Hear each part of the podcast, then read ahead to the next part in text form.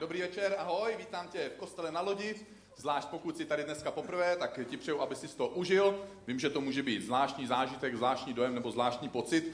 Dostat se na takovéhle místo, v každém případě si tady určitě vítaný a pokud dneska vznikne nějaká otázka, tak doufám, že tady máš nějakého kamaráda, který by ti mohl dovysvětlit některé věci, protože my pokračujeme v sérii Jesus on Air, neboli nalaď se na boží vlnu a zrovna dnešní téma je o duchovních snech. To je taková zvláštní oblast, která je těžko postižitelná, tak jsem zvědavý, jak se s tím poperu a jak vy se poperete s tím, jak já jsem se s tím popral. A doufám, že nebudeme mít moc modřin. Já jsem si pro jistotu vzal modrý oblečení, aby se to když tak sladilo.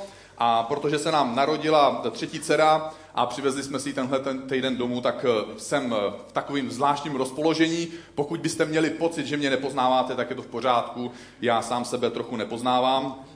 A to jsou věci. Neuvěřitelné věci se dějou u nás doma.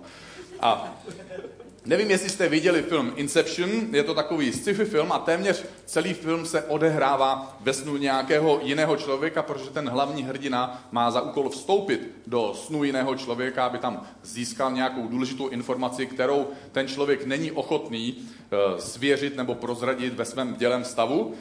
A vlastně podobné to je s našimi vlastními sny. My někdy v našich eh, vlastních snech si řešíme věci, které si nejsme ochotní připustit v tom dělém stavu.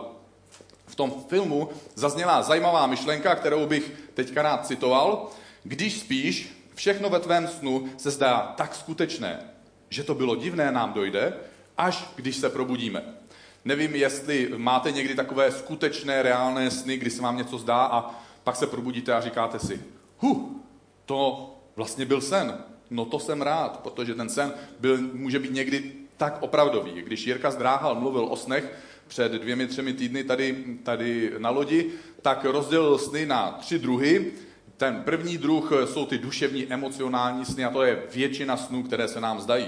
Jsou to, jsou to vlastně ty sny, kdy naše duše v tom snu spojuje různé dojmy, emoce, události, okolnosti a vytváří z nich různé eh, příběhy, které bychom vědomě ani nespojili a nevytvořili a někdy jsme až překvapení, co všechno se v našem snu může odehrát. Já jsem třeba hrozně rád lítal ve snu, což se postupem času, jak přibírám kila, stává těžší a těžší. Samozřejmě, když jsem byl mladší, jak to bylo mnohem snadnější a možná proto ty moje létací sny už mě opustily. A neočekávám v tom, že by v tom bylo něco duchovního. Ale my dneska se budeme bavit o těch dalších dvou druzích snů, které jsou sice k nám přichází velice občas a velice sporadicky a vždycky u takových snů je otázka, a byl to opravdu duchovní sen. V každém případě jsou dva druhy duchovních snů. Jedny jsou ty prorocké sny, protože Bůh používá naše sny, aby k nám někdy mluvil. A potom máme někdy demonické zlé sny. A ty máme, když ďábel nějakým způsobem získal svolení a někdy ovlivňuje naše sny a my začneme nejdřív tím horším a pak se dostaneme k tomu lepšímu. Já bych eh, teďka vložil takový příběh, měl by být vtipný, ale protože jsem přemýšlel o tom, tohle je téma, tady je v tom tématu, je to takový vážný téma, je tam eh, hrozně málo míst, kde by se dal udělat nějaký forek, tak eh, když něco bude, tak buďte vděční. A, a abych teda začal dobře, tak jsem přemýšlel o jednom příběhu, Rán, včera večer jsem ho říkal manželce Kristýně, ona říkala, že ho, ať ho radši nedávám. A tak jsem ho teda ráno neříkal a pak se mě při obědě ptala, jak to ráno šlo, tak jsem jí to říkal, jak říkala, tak to riskni, já jsem to říct večer. Tak eh, prostě mladý muž, je mu 30 let a uvědomí si, že jeho život tak trochu je prázdný a obrátí se k Bohu a hledá způsob, jak by prohloubil svůj vztah s Bohem a rozhodne se, že vstoupí do mužského kláštera. Když přijde do toho kláštera, tak odezdá všechny ty svoje materiální věci, to svoje oblečení, převezme tu, tu mnižskou kutnu a podepíše ten závazek eh, na, na těch 30 let, že bude teda plnit pravidla toho řádu a v tom závazku se dozví, že může promluvit pouze dvě slova jednou za deset let. Tak eh, on nastoupí, dostane ty úkoly, škrábe brambory, pomáhá v kuchyni, pomáhá chudým vydávat prostě jakési jídlo, jakési obědy, snaží se pomáhat a plnit všechny pravidla, účastní se všech modliteb a bohoslužeb, čte si Bibli a prostě všechno, co, co ten řád vyžaduje. A po deseti letech má tedy pohovor s tím představeným toho kláštera, přijde tam do té místnosti a chvilku tam stojí, ten představený se na něj podívá a říká, tak co mi řeknete? A on ve vědomí, že může říct pouze dvě slova, říká tvrdá postel. Odchází dalších deset let, slouží věrně tomu řádu a všemu tomu dobrému, co ten řád eh, dělá pro, jak pro ty mnichy, tak pro lidi v okolí. A po deseti letech znovu předstoupí do kanceláře toho představeného toho kláštera a eh, představený se optá, tak co mi povíte nyní? A on říká, špatné jídlo zase odchází, zavře dveře a ví, že dalších deset let eh, to bude složitější, takže je znovu stichá, plní si všechny povinnosti a když už mu je 60, tak přichází do té místnosti toho představeného a říká, asi odejdu. Ten představený se na něj zamračeně podívá a říká, já si myslím, že to bude to nejlepší, protože celou dobu, co tu jste si, pořád jenom stěžujete. Tak tím jsme se přes tvrdou postel dostali ke snům. To byl můj oslý můstek. Myslím si, že je krásný. Eh, tak buďte vděční, jak už jsem předestřel. A měl někdo z vás někdy pocit, že se vám zdál nějaký demonický sen, nějaký prostě sen, měli jste pocit, že je Děkuji, někteří z vás ano. Já jsem taky měl někdy takový pocit, do dneška si nejsem jistý, jestli to byl zlý sen, protože jsem jedl hrachovou polívku, nebo protože jsem se díval v noci na vetřelce, ale Eh, člověk nikdy neví.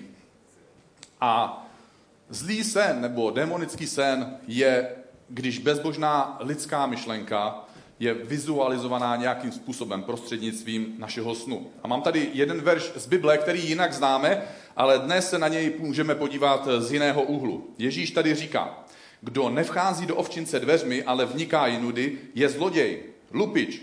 Kdo ale vchází dveřmi, to je pastýř ovcí. Co tenhle verš může znamenat? Sny jsou často požehnáním v našem životě. Prožíváme v něm příběhy, řešíme problémy nebo vztahy, máme, máme tam třeba krásné vztahy a ráno se zbudíme čerství a odpočinutí. Ale někdy se nám může stát, že třeba otevřeme ve svém životě dveře nějakému hříchu, nebo nechtěně nevědomky otevřeme ve svém životě dveře našemu nepříteli. A tak si někdy můžeš jít lehnout a nepřítel ďábel vstupuje bez tvého vědomí a bez tvého svolení do tvého snu. A já mám tady takový mini seznam několika věcí, které můžou někdy způsobovat zlé démonické sny. První je, když si možná někdy v minulosti vykonával okultní praktiky, nebo někdo se něčemu takovému věnoval a je to někdo z té blízké rodiny, nebo někdo, kdo je ti blízký, nějaká tvoje přítelkyně nebo blízký přítel. A ty si do dneška to neřešil. Nikdy si to Bohu neřekl, nikdy si to Bohu nevyznal, nikdy si neodřízl tu svoji minulost o té dnešní nové přítomnosti. A pak můžeš být překvapený a říkat si, proč se mi to znovu a znovu děje. Že v mém spánku se mi zdají takovéhle démonické sny. Nebo když tě někdo naštve, může být další případ.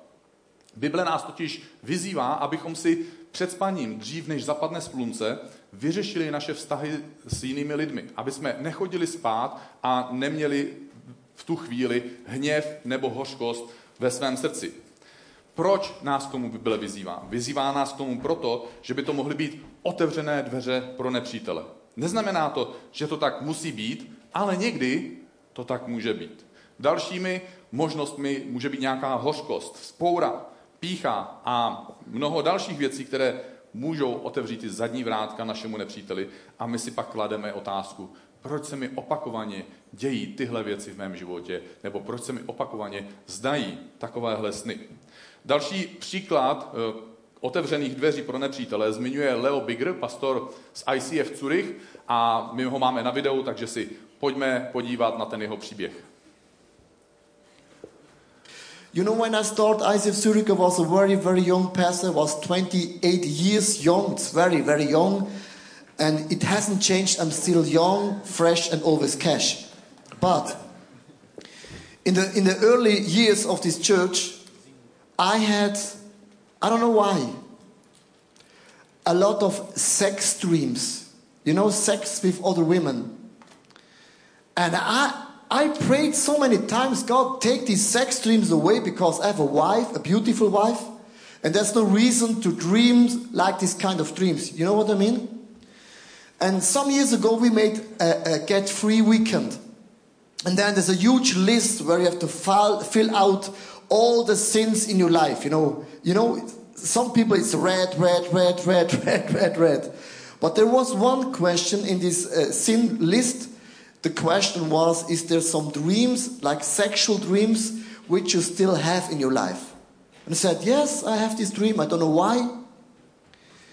And then the man asked me the question, how many girlfriends do you have? I said, yeah, not so many, but some. Before I was a Christian, I had some girls. And he asked me the question, do you get rid in your soul and spirit from every girl? I said, no, because I thought when I receive in Jesus Christ, all the sin thing is, it's solved. And I said, let's go through the whole list of your ex-girlfriends. And then every girlfriend, I released myself in my spirit. And this is some years ago. It was just a simple prayer. I released myself from every girlfriend. And this is some years ago. And till today, I never had any sex dream at all in my life. Proč vlastně říkáme všechny tyhle věci tady? Každý z nás totiž máme nějakou svoji minulost a někdy si něco z té naší vlastní minulosti přenášíme i do, souča- do současnosti, do přítomnosti. A tak neplánovaně a možná nechtěně někdy dáváme ďáblu svolení, aby jako zloděj během našeho spánku vstupoval zadními vrátky a dával nám demonické sny. Teď já vím, že naše jména, pokud si následovník Ježíše Krista, takže tvoje a moje jméno je zapsané v nebi, v knize života. Ale v některých oblastech jsme možná nechali ďáblu svolení, aby vstupoval těmi zadními vrátky. Pojďme se podívat taky na tu pozitivní stránku, protože naštěstí e, nemýváme jenom démonické sny, ale i boží prorocké sny. Nevím, ale předpokládám, že už jste slyšeli jméno Albert Einstein a víte, že to byl docela e, chytrý člověk, vlastně možná genius. Co se ale příliš neví, je, že život Alberta Einsteina se změnil díky jednomu významnému snu v jeho životě. Jednou v noci se totiž Albertu Einsteinovi zdálo, že jede na lyžích a jede prostě z hory dolů. A jel tak rychle, že už nemohl zastavit. Ve skutečnosti se v tom snu ta jeho rychlost tak zvyšovala, že nakonec jel rychlostí světla. To je dost rychle. A když jel tou rychlostí světla, tak v tom snu uviděl hvězdy a ty hvězdy ozářovaly všemi barvami to, to všechno okolí. A on si uvědomil v tom snu, jak rozlehlý je vesmír. A tento sen mu později pomohl definovat nové ideje a myšlenky, které vlastně změnili svět až do dneška. Sám o tom později napsal, že tento sen byl důležitým a velkým milníkem v jeho životě. Určitě se dá v takovéhle situaci položit otázka. A byl to prorocký sen, nebo to byl pouze emocionální sen? Mně se líbí ta odpověď na tuhle otázku. To nikdo neví. Pojďme se podívat ještě na jeden sen. Abraham Lincoln byl prezidentem Spojených států a tento prezident tři dny před svojí smrtí, kdy ho zabil atentátník, vyprávěl své manželce a několika svým blízkým přátelům svůj sen. Jeden z přátel podle historika Varda Hilla Lamona zaznamenal tuto vzpomínku a slova Abrahama Lincolna takto. Před deseti dny jsem šel do postele pozdě v noci. Čekal jsem na důležité zprávy z bojové fronty. Probíhala krvavá americká válka severu proti jihu. V posteli jsem asi nebyl moc dlouho, když jsem usnul, protože jsem byl opravdu unavený. A brzy se mi začal zdát sen. Měl jsem pocit, že jsem v bílém domě a kolem mě je mrtvolný klid. Pak jsem zaslechl tiché vzlikání, jako by mnoho lidí plakalo. Měl jsem pocit, že vstávám z postele a jdu po schodech dolů. Ticho bylo znovu prolomeno lítostivým pláčem, ale plačící nebylo nikde vidět. Šel jsem z místnosti do místnosti a neviděl jsem ani živáčka. Ale ty zvuky zoufalství mě zaplavovaly znovu a znovu, jak jsem procházel jednu místnost za druhou. V každé místnosti bylo světlo a všechny předměty mi připadaly povědomé. Kde ale byli všichni ti lidé, kteří plakali, jako by jejich srdce měla puknout žalem. Mátlo mě to a probudilo to ve mně všechny mé smysly. Jaký je smysl toho všeho? Byl jsem rozhodnutý zjistit příčinu tohoto stavu, který byl tak tajuplný a šokující. Pokračoval jsem v hledání, až jsem dorazil do dveří východního pokoje a vstoupil jsem do něj. Tam jsem uviděl něco, co mě překvapilo a podlomila se mi kolena. Přede mnou stála vyvýšená rakev, s mrtvolou oblečenou do pohřebního oděvu. Po stranách rakve stáli vojáci jako na stráži. Kolem rakve stál i dav lidí. Zarmouceně hleděli na mrtvé tělo a obličej mrtvého byl zahalený. Někteří zhrouceně plakali. Zeptal jsem se jednoho z vojáků, kdo zemřel v Bílém domě? Prezident, pane, odpověděl voják, byl zabitý atentátníkem. Celý dav znovu propukl, propukl v hlasitý pláč a to mě probralo z mého snu. Tu noc jsem již neusnul.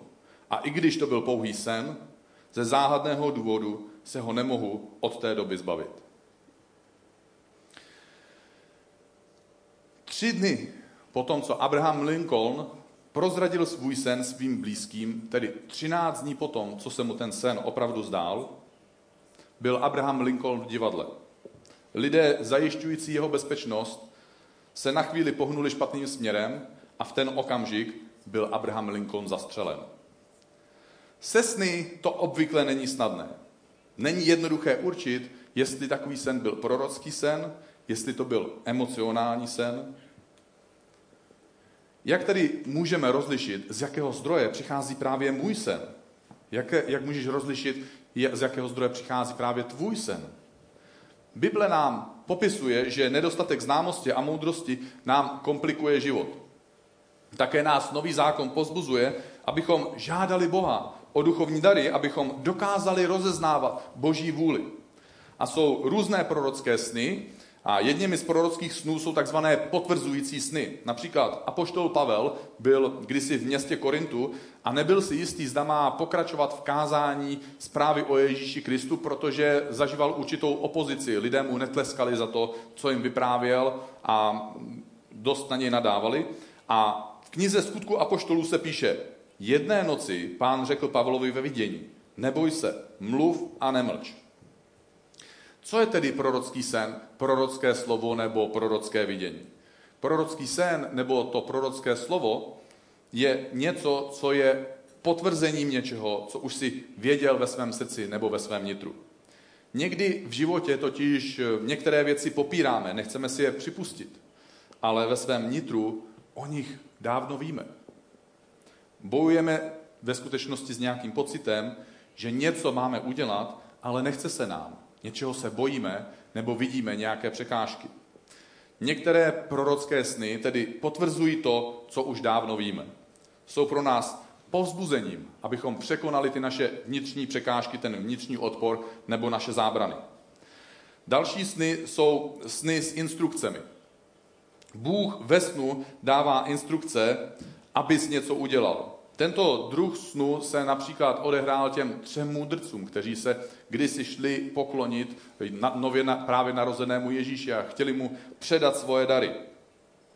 Předtím je ale požádal král Herodes, aby až Ježíše najdou, aby se k němu vrátili a prozradili mu, kde Ježíš je, aby údajně mohl tomu novému Ježíši, tomu novému budoucímu králi předat také svoje dary a poklonit se mu. Co neřekl těm mudrcům bylo, že ho ve skutečnosti chce zavraždit, protože to byl jeho budoucí konkurent. To vše mudrci nevěděli, ale tu noc, co našli Ježíše, jak se píše v Matouši v druhé kapitole, kapitoli, ehm, jim, mu, oni předali Ježíši ty svoje dary a píše se tady, měli sen a ten sen zaznamenal apoštol Matouš takto. Když potom dostali od Boha ve snu pokyn, aby se nevraceli k Herodovi, vrátili se do své země jinudy. Někdy v životě se totiž chováme jako muž, který přišel za svým psychologem, lékařem a říká mu, pane doktore, mně se opakovaně zdá stejný sen. Stojím před dveřmi a na těch dveřích je cedule a já každou noc přicházím k těm dveřím a tlačím a tlačím a ty dveře ne a ne se pohnout. Ten lékař chvíli přemýšlí a pak říká, a co je na té ceduli napsáno v tom vašem snu? A on říká, vidíte, ta cedulka, zkusím si to vybavit, je tam napsáno táhnout. Někdy se může zdát, ne, může se stát, že získáš radu v prorockém snu. Pokud může ďábel občas nějakým výjimečným způsobem zadními vrátky vstoupit do, naši, do našich snů, tím spíš může Bůh a může nám dát prorocký sen. Třeba v mém případě to byl sen, kdy, sen, kdy to nebylo během spánku, ale během modlitby jsem měl něco jako vidění. Nevím, jestli se vám to někdy stalo, jakože skoro jako spíte, ale jste vzhůru a vidíte obrázek nebo takový zkrácený film. A bylo to takový, je to takový zvláštní okamžik. V tom snu jsem viděl svoji rodinu a děti, to ještě jsem nebyl ženatý, ani jsem neznal svoji manželku Kristýnu. A viděl jsem další rodiny, jak se domluvili, že se přestěhují do jiného města, aby tam založili církev, se kterou má Bůh svoje plány. Tohle se mi zdálo v roce 1992 a to, co jsem viděl, jsem si zapsal do sešitu. Bylo to asi o 12-13 let později, když za mnou přišel Jirka Zdráhal v roce 2004 a oznámil mi, že se chce přestěhovat z Brna do Prahy se s celou svojí rodinou. A v mojem mozku se okamžitě spojilo to, co jsem před 12 lety viděl, s tím, co jsem v tu chvíli slyšel. A okamžitě jsem Jirkovi řekl, my se přestěhujeme s váma. Kdo znáte Jirku Zdráhala, zakladatele tady kostela na lodi, tak eh, víte, že on dokáže mít takové hloupé otázky, typu třeba, eh, a nebylo by dobré se taky zeptat tvojí manželky. Tak eh, byl jsem moc rád, že když jsem se Kristýny zeptal, že tedy souhlasila. V každém případě já jsem byl pevně rozhodnutý. Když totiž máš sen s instrukcemi a když přijde jeho chvíle, měl bys udělat to, co ti Bůh radí. Další sny jsou varující sny. Abraham, eh, praotec izraelského národa, před, přibližně před pěti tisíci lety, to je eh, pár týdnů už zpátky, procházel územím krále Melchisedek, Abimelecha. Jo, vidíte to, já jsem se tak dobře učil, jo, to je slovo, Abimelech. Zkuste třikrát za sebou říct, Abimelech, Abimelech, Abimelech, vidíte to, jde to prostě. Takže takže Abraham měl svoji krásnou manželku, protože my všichni muži, co jsme ženatí, my máme krásnou manželku. A on měl tady taky krásnou manželku, byl o tom přesvědčený. A proto, že měl obavy, že by ho mohli chtít zabít, aby jí mohli získat jako otrokyni, jako sexuální otrokyni, tak uh, radši, když procházel tím územím krále Abimelecha, tak uh, říkal, že to je jeho sestra. Protože když není její manžel, ale je to jeho sestra, tak může dostat lukrativní nabídku. Oni mu za ní můžou nabídnout peníze nebo nějakou jinou materiální odměnu. Což je krásný manželský postoj. A protože byla krásná, tak eh, očekával velkou odměnu. Skončilo to tak, že nakonec došli i až na ten dvůr krále Abimelecha a ten král Abimelech nevěděl, že to je Abrahamova manželka, takže ji získal do toho svého svazu konkubín a tak já nevím, ono jich bylo dost, jako tak to byl takový, takový pojem, že? A pojďme si přečíst, co se Abimelechovi potom stalo. V noci ale k Abimelechovi ve snu přišel Bůh a řekl mu, kvůli ženě, kterou jsi vzal, teď zemřeš. Vždyť je vdaná za jiného muže. Tak Abimelech neměl tušení, neměl ani shine, že ho vlastně Abraham nějakým způsobem oklamal a Bůh tomu králi řekl, příteli, tohle je varování. Vy mě znáte, někteří z vás, a víte, že mám opravdu hluboké myšlenky. Takže teď je důležitá věta. Varování znamená varování. U varovných, u varovných snů je to stejná otázka. Byl ten sen varujícím snem, démonickým snem nebo emocionálním snem? Pokud nakonec dojdeš k přesvědčení, že to byl varovný sen, měl bys to vzít tedy jako varování. Varování, děkuji. Je vidět, že nejsem jediný, kdo je tady chytrý.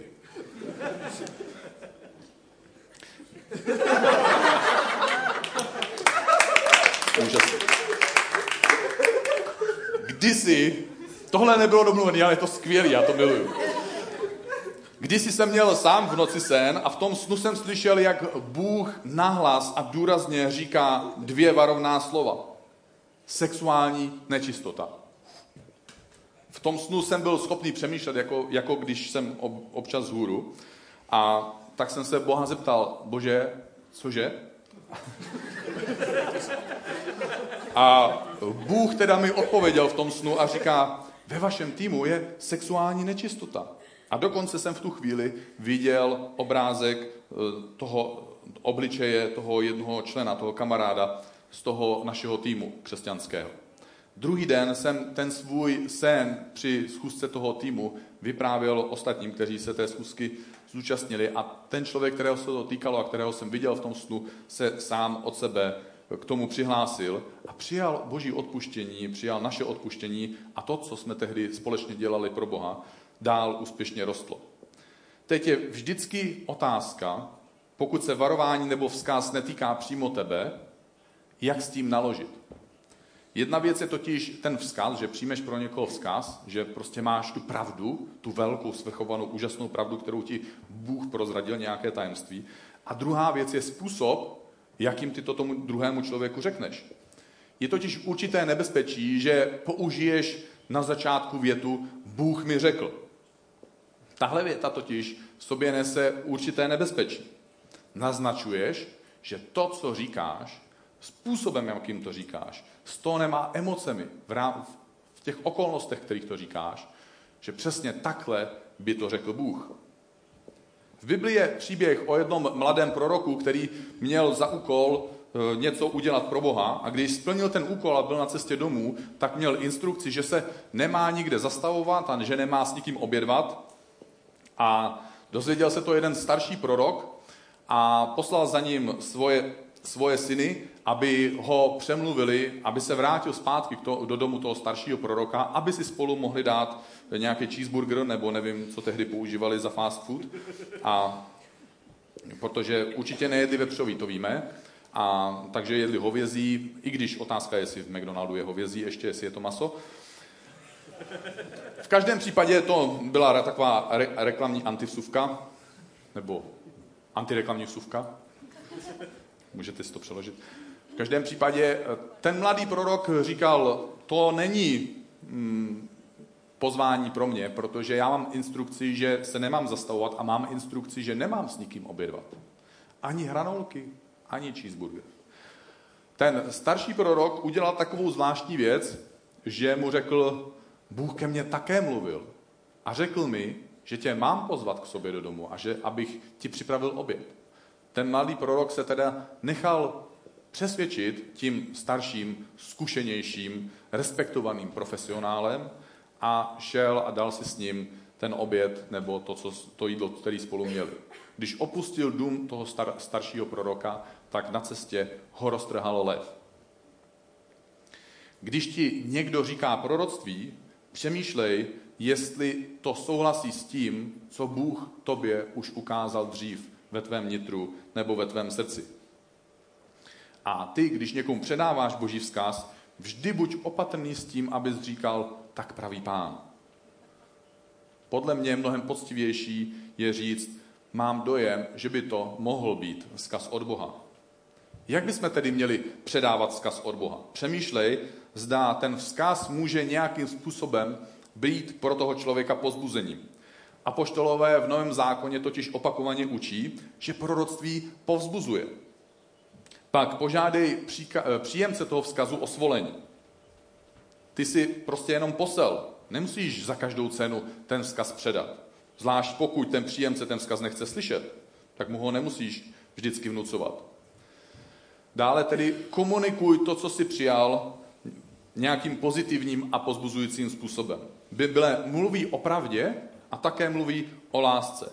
Přemýšlej o tom, ptej se Boha, nebo se třeba poraď s někým zkušenějším, jak bys mohl ten boží vzkaz předat nějakým pozitivním a pozbuzujícím způsobem. Někdy se může stát, že ten vzkaz není slovní, že si prostě viděl jenom jakýsi obrázek nebo minifilm. moje, můj návrh by byl, aby se nesnažil za každou cenu vyložit význam toho obrázku. Prostě někdy my křesťané tak moc chceme tomu člověku pomoct, že mu chceme vyložit i ten obrázek a do toho obrázku nebo do toho výkladu toho obrázku my vložíme svoje vlastní přesvědčení, svoje vlastní přání, něco, něco zbožného, něco, my to nemyslíme zle, ale upřímně už jsem viděl dost eh, někdy legračních výkladů a někdy tragických nebo nebezpečných výkladů. Takže zkus dát tomu čas, možná, že ty si viděl obrázek a nejsi ten, kdo má ten obrázek vyložit. Možná, že ten člověk sám už ví, co ten obrázek znamená v tom jeho životním kontextu, protože Bůh už něco předtím, než jsi za ním přišel, dělal v jeho srdci. Další myšlenka je, že pokud je tvůj vzkaz negativní, tak eh, bych ti poradil, aby ses opravdu poradil s někým zkušenějším. Nebo ho požádej, zda by ti mohl třeba i s předáním toho vzkazu nějak pomoci. Tak pojďme ještě pokračovat v těch prorockých snech, protože další prorocké sny jsou sny s informací. Ve snech s informací Bůh odhaluje tajemství, budoucnost nebo něco osobního. Tak trochu se to podobá tomu příběhu, který jsem měl já před chvílí. Třeba Bůh odhaluje něčí postoje. Jedním příkladem je Josef Egyptský. Před chvíli jsem mluvil o Abrahamovi. Josef Egyptský byl eh, jeho pravnuk a on měl také svoji zkušenost s informujícími sny. A pojďme si to přečíst eh, jenom krátce, protože jeho příběh zabírá několik kapitol v Bibli. Josef měl sen, ale když ho vyprávěl svým bratrům, nenáviděli ho tím více. Josef byl nejmladší ve své rodině. Nevím, jestli máte eh, svoje sourozence, ale většinou to v rodinách funguje tak, že když máte nějaký bráchy, tak oni vás prostě jenom nezahrnují kytkama a žvejkačkama, ale oni mají takový jako takový krásný, zlomyslný nápady. Třeba když já jsem byl malý, rodiče byli rozvedení, tak maminka mě jednou za čas eh, brala eh, za, za zbytkem naší rodiny, aby jsme se viděli s bráchama a scházeli jsme se u babičky a babička žila na vesnici a když jsme tam přijeli, tak eh, bráchové řekli, my půjdeme ven, může jít Daník s náma? Jo, mě bylo sedm let, jo, já jsem nebyl vždycky dvoumetrový. A nejhezčí je, když já se sejdu s těma známýma kamarádama z, toho, z té doby, kdy mě bylo sedm let. A teď ta paní, která kdysi bývala o půl metru větší, teďka je o půl metru nižší, ona na mě kouká nahoru a říká, ahoj Daníku. tak eh, mě to vždycky fakt rozehřeje na srdci. Takže uh, se ptali, jestli Daník může jít s nima a maminka říkala, a pohlídáte mi ho? Oni řekli, jasně, to bylo ještě před revolucí, takže to bylo čestný pionýrský. A vyšli jsme ven a jedna z prvních otázek byla, Daníku, už jsi někdy jel na Beranovi? Já jsem kluk z města. Jsem říkal, ne, nejel. Oni říkali, skvělý, tak podívej se, tady je Beran, tady si sedneš, hned mě na něj posadili, tady se chytnej za ty rohy a pak ho plácli. Tak eh, to jsou bratři, starší bratři. Eh, myslím si, že Josef eh, měl něco podobného, akorát těch, ty starší bratry neměl dva, ale dvanáct, takže to jenom musíme znásobit určitým, určitým prostě tím koeficientem. A Josef měl sen, v tom snu se mu zdálo, že jednou v budoucnosti všichni ty jeho starší bratři, kteří si ho dobírají, jsou škodolibí, někdy, někdy mu prostě podkopávají nohy a dělají různé schválnosti, takže tihle prostě zákeřní bráchové se mu jednou budou klanět. To pro takového mladého kluka byl krásný pocit. Vlastně pro každého z nás je to krásný pocit, když, když nás lidi respektují. Někdy, možná dneska už by to pro nás nebylo tak příjemné, kdyby se nám někdo klaněl, ale třeba Jirka Zdránhal nedávno vyprávěl svůj sen, jak přijíždí do jakési vesnice na Moravě, tam je ta stodola vyzdobená nápisem Vítáme tě, Jirko, oni všichni předávají dary. Každému z nás se to líbí, když jsme prostě přijatí a když jsme, když jsme, když jsme akceptovaní a respektovaní. A Josef měl podobnou touhu, takže když se mu zdál tenhle sen a došel k přesvědčení, že to je Bůh, kdo mu ten sen dal, tak běžel za svými bratry a říkal jim, mám sen. Teď jim povyprávil ten sen, ten obrázek, co tam viděl a říkal, a ten sen znamená, že se mi jednou budete klanět. Taky se vám to líbí jako mě? A my tady čteme, že ho nenáviděli tím více tak eh, byl překvapený, co nevěděl, i když viděl v budoucnost v tom svém snu, to, co nevěděl, bylo, že jeho bratři ho kvůli tomu snu budou nenávidět. a že vlastně ho budou nenávidět tak moc, že ho nakonec prodají do otroctví a že nakonec skončí někde ve vězení nespravedlivě obviněný a že dřív, než se stane tenhle obrázek skutečností, uplynou dlouhá a dlouhá léta a on prožije neuvěřitelně strastiplnou životní cestu. Takovýhle informující sen nás neinformuje o všech okolnostech a neinformuje nás o tom, co se odehraje mezi dnešním dnem a tím, co má jednou přijít. Co je tedy udělat, dobré udělat se sny? Pokud si nejsi jistý, zkus udělat něco podobného jako Daniel ve starém zákoně nebo Marie, Ježíšova matka v novém zákoně. Když byl Daniel ministrem vlády v dávné době mocných babylonských králů, tak si pojďme přečíst, co udělal. V prvním roce babylonského krále Belšasara se Dan, měl Daniel ve snu vidění. To, co v mysli spatřil na lůžku, pak zapsal. Podobně i Ježíšova matka, Marie, když slyšela boží vzkaz o tom, jaký význam bude mít její potomek, její dítě, tak ten vzkaz ukryla ve svém srdci, nebo jinak řečeno si ho zapamatovala.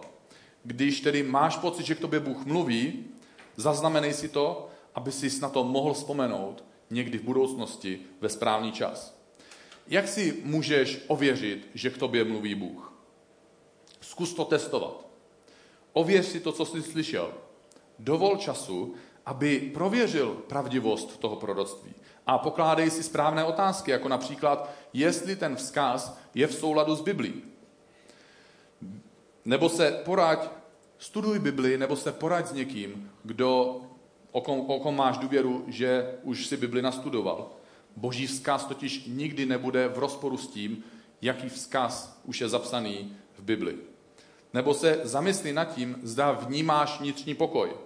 Obvykle totiž boží vzkaz přinese pokoj do tvého nitra. Pochopitelně, pokud je to varující vzkaz, jako v případě Abimelecha, že zemřeš, tak to asi nepřinese pokoj do tvého srdce, ale běžnějším pravidlem je, že boží vzkaz přináší pokoj do tvého srdce, protože je potvrzením něčeho, co už si věděl ve svém nitru sám od Boha. Další pomůckou může být rada od důvěryhodného přítele. Zkus si najít nějaké dobré duchovní vzory jejich vlastní zkušenosti s tím, jak se spálili o falešná proroctví, nebo jak jim bylo pomoženo, nebyli, nebo byli od něčeho uchráněni skrze pravé proroctví, můžou být zkušeností a pomocí i pro tebe. Dalším důkazem nebo další pomůckou může být ovoce nebo výsledky. Ježíš řekl, špatný strom nemůže nést dobré ovoce a dobrý strom nemůže nést špatné ovoce.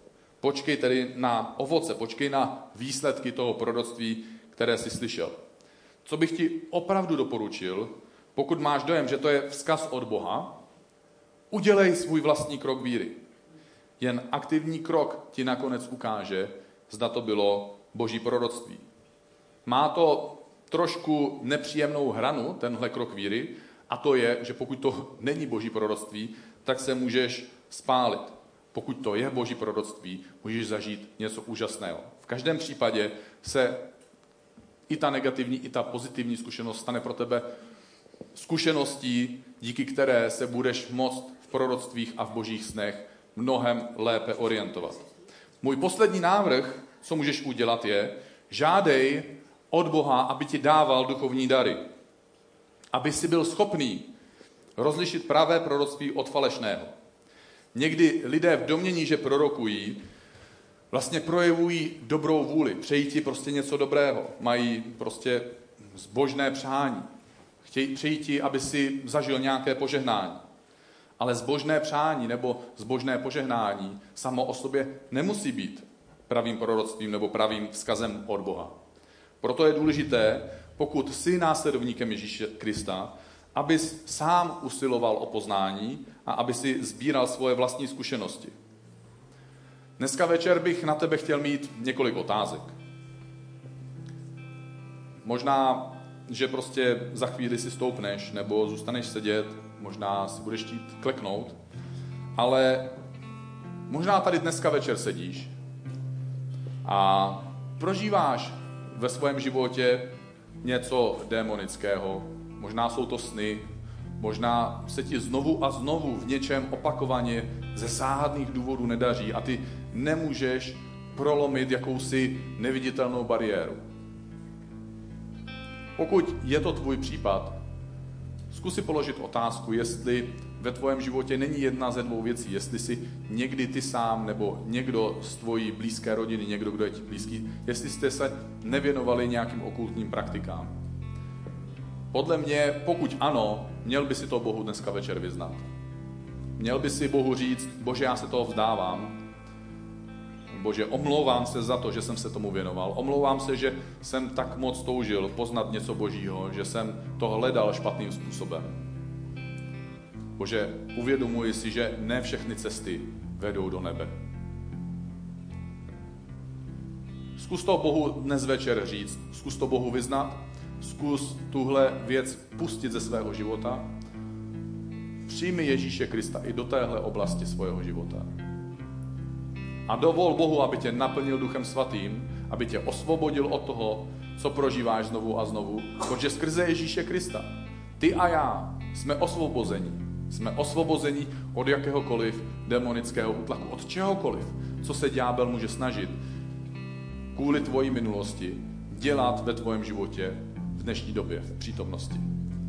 Druhá věc, na kterou bych se tě chtěl zeptat, pokud prožíváš opakovaně takovéhle věci, jestli ve tvém životě není nějaká hořkost nebo něco, někdo, kdo tě štve a ty často chodíš spát a nemůžeš se toho zbavit. A cítíš hořkost a jsi naštvaný na toho člověka a znovu a znovu, čas od času, některé večery se ti ten člověk připomene a ty se s tím nedokážeš vyrovnat. Zkus dneska večer dát tuhle věc tohohle člověka, svůj vztah k němu, svoje emoce, svoje pocity, to, co prožíváš vůči němu, zkus to všechno dát Bohu. Požádej Boha, aby ti dal sílu odpustit. Udělej nějaký praktický krok. Požádej Boha, aby ti dal radu, co můžeš udělat. Možná, že ho nenapravíš a tvůj úkol možná není napravit toho člověka, ale určitě je tvůj úkol vyřešit tvůj vztah k němu. Aby si nebyl naštvaný a aby tyhle okovy, které tě vážou k minulosti, byly zpřetrhané a aby do tvého srdce a do tvého nitra mohl vstoupit Ježíš Kristus i v téhle oblasti. My budeme zpívat písničku, já poté, nebo část písničky, a já se po té písnice vrátím a pokud jsi tady, tak bych se chtěl za tebe na dálku modlit. Chci ti nechat tu anonymitu, nebudu tě žádat, aby si přišel sem dopředu. Ale zkus během té písně říct Bohu to, co potřebuješ. A já se pak chci modlit za, za tvoje osvobození v Ježíši Kristu a za naplnění Duchem Svatým. Takže pojďme dát Bohu teďka svoje srdce, pojďme se před ním nějakým způsobem sklonit. Zvlášť pokud se tě to týká, dej tomu všechno, co můžeš. Buď upřímný. Je to tvůj život. A za chvíli se zavrátím.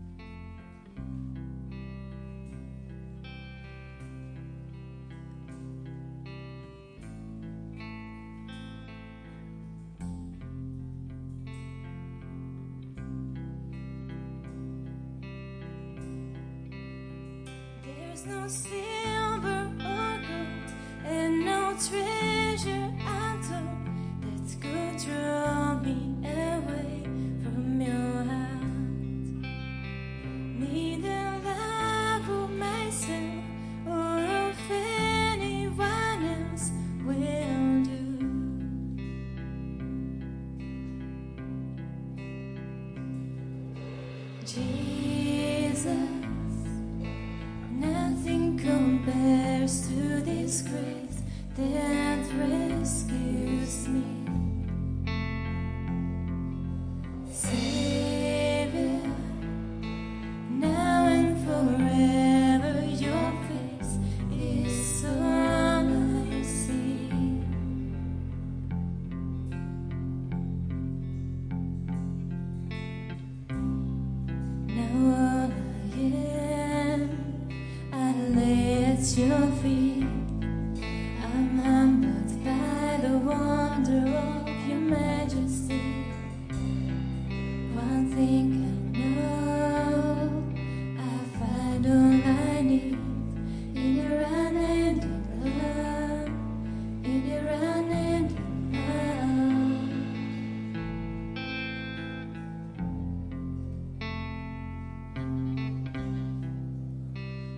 Bože, dneska večer na tomhle místě, tady stojíme nebo sedíme před tebou a někteří z nás, Bože, vyznáváme ti svoje, svoje okultní snahy, snahy přiblížit se duchovnímu světu jiným způsobem. Bože, přicházíme k tobě a chceme ti otevřít i tuhle oblast našeho života, tuhle naší minulost. Možná, Bože, se to týká někoho z naší rodiny. Bože, my to vyznáváme před tebou. Víme, že tobě se to nelíbí, že to ubližuje nám, že to ubližuje našemu vztahu s tebou. Bože, my se chceme očistit v tuhle chvíli a vzdát se okultních věcí v naší minulosti a v našem okolí. A dáváme ti sami sebe, Bože. Prosíme tě, aby si nás osvobodil skrze Ježíše Krista. Uvědomujeme si, že Ježíš Kristus zemřel na kříži a vstal z mrtvých, aby pokořil jakoukoliv moc ďábla, jakoukoliv moc nepřítele. A my nejenom, že ti vydáváme, Bože, tuhle oblast, ale my prohlašujeme tvoji svobodu, tvoje osvobození skrze smrt a skříšení Ježíše Krista, skrze jméno Ježíše Krista v našem životě. A my odmítáme skutky našeho nepřítele ďábla. A my tě prosíme, aby si nám, nás naplnil, aby tohle místo, které ti teďka předáváme ve svém životě, aby si ho naplnil svým duchem, aby si ho naplnil svojí láskou. Bože, aby, aby všechna ta místa, která zabíral ďábel v naší mysli a v našem duchu, aby byla naplněná tvojím duchem. My přicházíme k tobě v tuhle chvíli a děkujeme ti za tvoje odpuštění, děkujeme ti, že jsi milující Bůh a že můžeme k tobě přijít a přijmout všechno z tvojí ruky. My ti dáváme znovu svůj život, Bože.